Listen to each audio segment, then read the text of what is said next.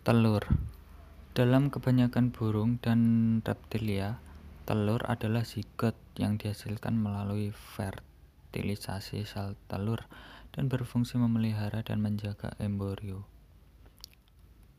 Embrio Telur-telur reptilia dan burung diselimuti kerak pelindung yang memiliki pori-pori agar hewan yang belum lahir tersebut dapat bernafas.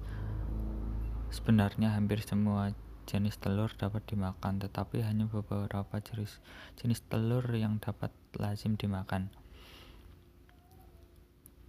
baik sebagai lauk pauk maupun sebagai obat.